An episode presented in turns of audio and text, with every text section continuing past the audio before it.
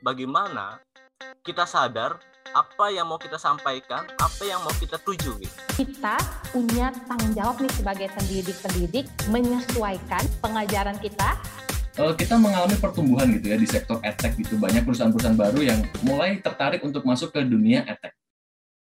Ya, selamat siang dan selamat datang di Techminar by Grand. Perkenalkan kembali saya Sheila selaku moderator untuk Techminar hari ini yang sekaligus mewakili Keren Indonesia. Ya, teman-teman, kali ini Keren melaksanakan Techminar bertemakan Technology for Education in Digital Era. Teknologi pada dunia pendidikan merupakan aplikasi ataupun media yang dirancang secara modern ya dan dimanfaatkan sebagai teori dan juga praktek dalam pembelajaran. Dan tentunya akan kita bahas ya tuntas abis ya bersama panelis kita hari ini. Senang sekali sudah hadir bersama kita beberapa panelis dari berbagai pihak. Yang pertama Oke, di sini ada Kak Yusuf Muarif Hidayat. Uh, panelis berikutnya di sini ada Kak Irena ya, Kak Irena Kristal Luturmas. Yang ketiga kita mau menyapa juga di sini ada Kak Hiskia Sasangka Jati. Ya, untuk itu kita langsung aja masuk ya ke sesi yang pertama. Kita akan mengundang di sini ada Kak Yusuf Muarif Hidayat selaku founder kelasimpian.com ya. Silakan Kak Yusuf. Oke, terima kasih. Kita bicara tentang di era digital, kita bicara lagi tentang uh, uh, dunia teknologi ya, perkembangan teknologi hari ini. Ya, ini kita akan bicara juga tentang bagaimana uh, konsep teknologi itu di dalam dunia pendidikan khususnya. Di dalam pendidikan khususnya ya, yang kita harus tahu betul adalah bagaimana kita sadar apa yang mau kita sampaikan, apa yang mau kita tuju gitu. Nah, sehingga kita bisa memilah-milih dalam penggunaan teknologi yang sepatutnya, selayaknya. Ini yang patut kita sadari betul ya. Begitupun sama seperti kita memulai ingin melakukan sesuatu lah, mau presentasi, mau mengajar dan mau melakukan hal yang hal yang lain. Bagi saya yang paling utama adalah bagaimana kita bisa tahu, kita memahami betul tujuan dari kegiatan kita itu sendiri. Karena di dalam sebuah proses teknologi banyak hal yang bisa kita dapatkan bahwa kita bisa mendapatkan sumber belajar, pengembangan, pengelolaan pembelajaran, dan lain-lain. Nah, tapi di dalam konsepnya produk ini, itu hanya memudahkan aktivitas kita di dalam tujuan pembelajaran misalnya. Salah satu keuntungan hari ini, bagi anak-anak sekolah khususnya ya, dia punya keleluasaan untuk mencari sumber belajar khususnya. Salah satunya apa? Di dalam dunia internet ya, dia bisa berselancar sepuasnya di lingkungan rumah dia bisa mengeksplorasi seluasnya. Nah, itu adalah poin yang seharusnya kita bisa maksimalkan. Oke, mungkin ada yang resen nih, ada yang udah pengen bertanya apa gimana nih, silakan. Uh, bagaimana strategi pemerintah kepada peserta uh, untuk mendidik kepada peserta didik di dunia era digital? Apakah pemerintah mengadakan penyuluhan atau bagaimana? Terima kasih. Nah, sebenarnya gini, kalau saya sendiri ya, saya nggak terlalu nggak mau ribet misalnya dengan situasi eksternalnya. Kenapa saya nggak mau ribet dengan eksternalnya? Karena segala sesuatu itu itu bisa diciptakan sedemikian rupa dari internalnya, itu dari diri kita sendiri gitu. Jadi mau sehebat apa pun program yang dilaksanakan yang diberikan oleh pemerintah, bagi saya itu belum juga tentu berhasil ketika misalnya kita internalnya juga belum bisa maksimal gitu misalnya gitu maksudnya bukannya tidak terlalu peduli, tapi bagi saya yang lebih mem, yang perlu yang paling penting adalah bagaimana kita sebagai internalnya ya kan sebagai individu bisa sangat memaksimalkan, mengeksplorasi berdasarkan tujuan-tujuan yang kita ingin capai. Seringkali kita di dalam situasi hari ini banyak pertanyaan yang muncul misalnya bagaimana teknologi dapat mempermudah pembelajaran jarak jauh ya kan salah itu salah satu upaya untuk bisa meningkatkan literasi digital hari ini teman-teman khususnya anak-anak juga ataupun siapa pun itu. Yang jadi PR kita hari ini ini perkembangan teknologi sangat cepat ya kan? Yang saya khawatirkan adalah apa? Kesiapan kita nih sebagai individu untuk bisa menyikapi perkembangan zaman yang cukup cepat juga. Mungkin itu aja kak.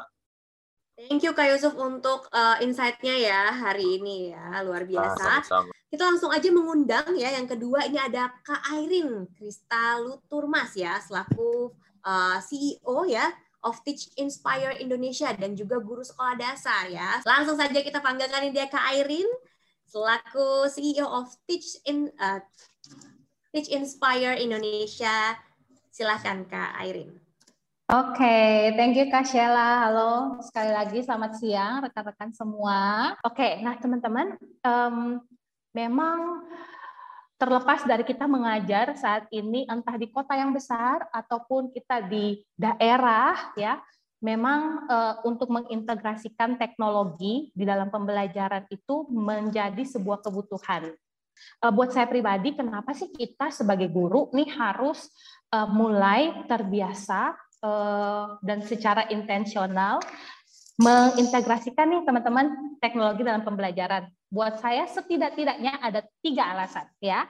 Yang pertama, kira-kira tahun 2030 nanti pekerjaan seperti apa yang perlu nih dipunyai oleh masyarakat-masyarakat di negara-negara ini. Nah, di Indonesia sendiri teman-teman, memang eh, sama seperti negara-negara yang lain, banyak sekali pilihan-pilihan pekerjaan baru yang uh, memang berurusan sama teknologi digital gitu ya. Ada digital marketing gitu ya. Ada digital content creator uh, ada analis untuk data-data big data gitu ya.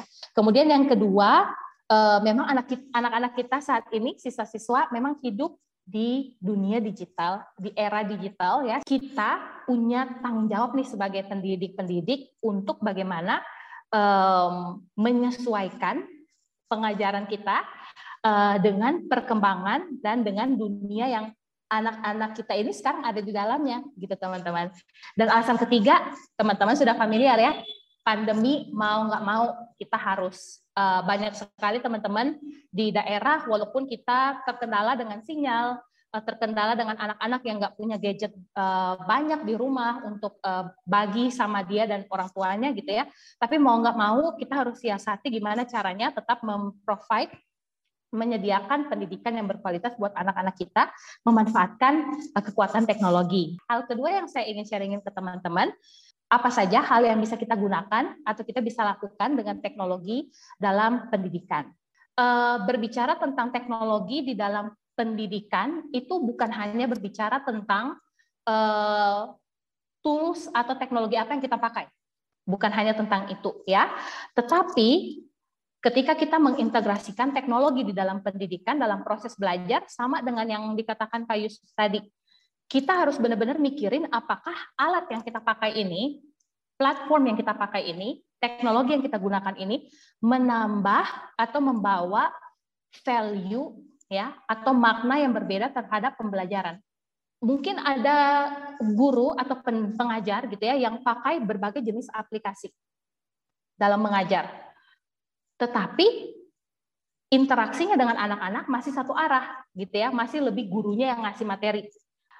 Bentuk-bentuk tugasnya masih masih kalau kita bilang uh, low order thinking skill gitu ya, memacu kemampuan berpikir anak di level rendah. Misalnya uh, oke okay, kita pakai untuk tugas, tapi tugas-tugasnya untuk apa? Untuk menyebutkan, untuk menjelaskan, sebatas itu gitu.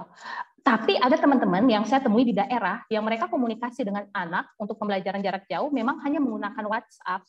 Tetapi teman-teman aktivitas belajarnya itu benar-benar dirancang anak-anak itu eksplorasi, anak-anak itu menciptakan sesuatu, anak-anak itu menganalisa sesuatu gitu.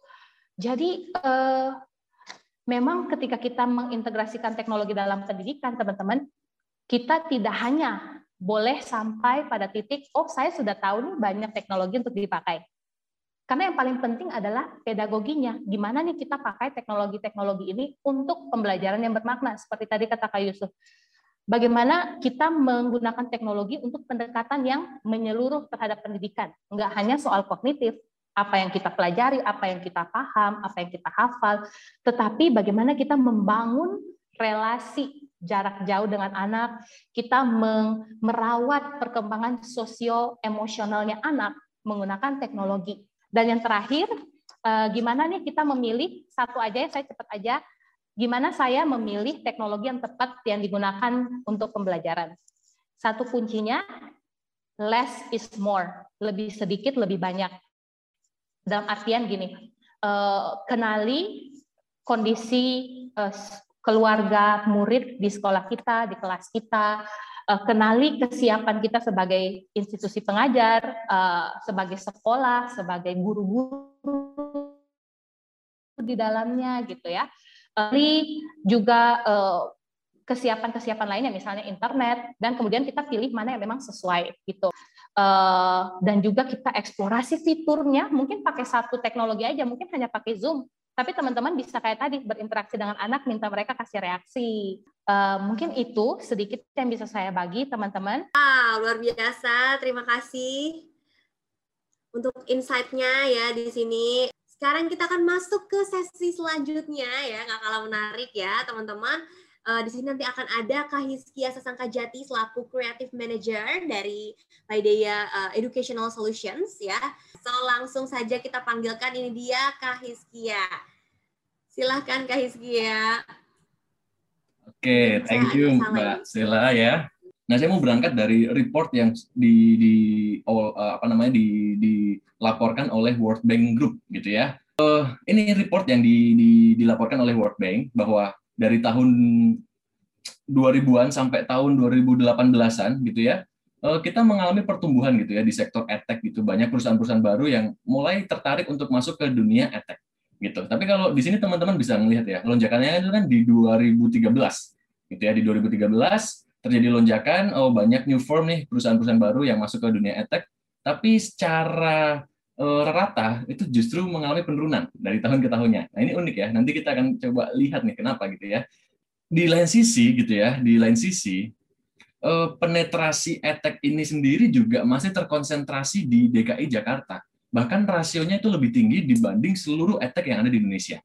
Gitu ya. Jadi uh, pengguna etek atau coverage dari etek yang ada di Indonesia itu masih sangat terkonsentrasi di ibu kota kita. Nah, itu memang masih menjadi PR yang sangat besar dan nggak gampang untuk kita sebagai uh, warga negara Indonesia. Dan ini nggak bisa dikerjakan sendiri pemerintah pun nggak bisa sendirian. Nah dari reportnya si World Bank uh, Group ini Indonesia itu sebenarnya kalau secara akses pendidikan ini good newsnya ya secara akses pendidikan Indonesia itu sebenarnya sudah meningkat cukup signifikan. Soal uh, apa namanya progresnya untuk untuk meningkatkan akses pendidikan tadi sudah cukup naik signifikan. Tetapi berita buruknya adalah walaupun akses pendidikan itu sudah semakin merata dan cukup naik uh, signifikan gitu ya, tapi secara outcome-nya kalau kita bicara outcome ya mungkin angka pisahnya gitu lah ya, itu kita masih cenderung masih low. Nah, berarti kan artinya ada proses di dalam yang masih belum maksimal nih, sehingga output yang dihasilkan juga akhirnya belum maksimal. Nah, ditambah salah satu hal yang menarik juga dari dari uh, dunia edtech di Indonesia itu adalah ya mayoritas uh, edtech itu memang mengarahnya ke student gitu ya dan memang karena student itu seenggaknya yang paling memungkinkan untuk generating revenue lah gitu ya. Nah, hanya ya sepertiganya aja mungkin yang uh, mulai mengarah ke orang tua sebagai satu stakeholder juga. Dan mungkin bisa hitungan jari yang masih fokus ke guru nih. Makanya wah, nanti ini kita bicara soal smart classroom gitu kan itu kan nggak cuma sekedar murid ya nggak sekedar uh, alat-alat yang ada. Nah makanya ketika kita bicara soal smart classroom bicara soal uh, teknologi ya ini sebenarnya memang ada step-stepnya gitu ya. Kita nggak bisa memaksakan oh kalian harus jago semua teknologi digital gitu. Nah tapi ada beberapa hal yang menjadi concern dan menjadi yang perlu menjadi uh, apa ya yang perlu kita perhatikan gitu ya bahwa ketika kita bicara soal soal smart classroom, iya kita tidak hanya bicara soal infrastrukturnya saja. Dan what? Prosesnya gimana nih? Kita udah punya proyektor, tapi terus gimana cara pakainya? Cara memaksimalkannya gimana? Cara kita mengintegrasikan dengan pembelajaran kita bagaimana? Kan akhirnya kembali lagi ke ininya, ke manusianya. Gitu. Sebagai gurunya, sebagai murid-muridnya, bisa pakainya, bisa merasakan ke, kalau saya pakai bahasanya mahasiswa tadi, merasakan manfaatnya enggak nih? Ya mau kita investasi sebesar apa pun di infrastruktur gitu ya, tapi kalau prosesnya nggak efisien, efektif, dan manusia yang menjalankan itu nggak nggak punya ini ya apa namanya gut atau keinginan untuk terus bertumbuh ya ya akan susah gitu. Karena smart classroom nggak bicara soal ini doang teman-teman. Smart classroom ya yang ngomongin semuanya. Memang harus smart gitu ya. Ya semuanya yang smart. Ya jangan jangan bicara ketika ada teknologi oh aku harus pakai aku harus pakai. Ya enggak gitu. Kita memang harus tahu dulu tujuannya gitu. Makanya ketika kita bicara soal integration di dalam teknologi uh, khususnya di education gitu ya.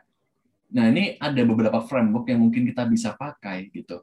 Memang mau nggak mau kalau tadi kalau ini framework yang dulu dulu sempat dibuat ya untuk untuk sebelum pandemi gitu ya. Nah tapi karena ada pandemi ya mau nggak mau kita udah di sini lah, kita udah di sini. Tapi masalah adapt, adaptation, infusion ataupun melakukan transformasi di bidang teknologi itu sendiri itu tergantung manusianya. Tapi kan kalau sekarang mau nggak mau kita pakai gitu ya ya, tapi pakainya punya value added nggak? Nah, itu yang perlu menjadi di question ya, jadi refleksi untuk kita semua. Nah, makanya kalau bicara soal itu ya sebenarnya banyak ya. Ini ini sebagai sharing dan yang paling krusial. Kalau kita udah bicara soal smart classroom dan kita mau jalannya ke online learning, hal yang menjadi penting untuk kita miliki adalah digital literacy. Ya makanya kalau bicara soal smart classroom, bicara soal bagaimana teknologi mempermudah jarak jauh, itu kalau bagi saya lebih ke refleksi, gitu ya. Gitu. Mungkin itu yang bisa saya sharingkan. Mungkin nanti kalau kita mau sharing gitu ya uh, bisa uh, pas di di panel aja langsung. Gitu. oke. Siap Kak thank you banget buat insight-nya Kak Hizkia. Jadi teman-teman jangan lupa ya untuk terus mengadopsi tadi ya. Dan juga kita harus adaptasi juga nih ya sama perubahan yang ada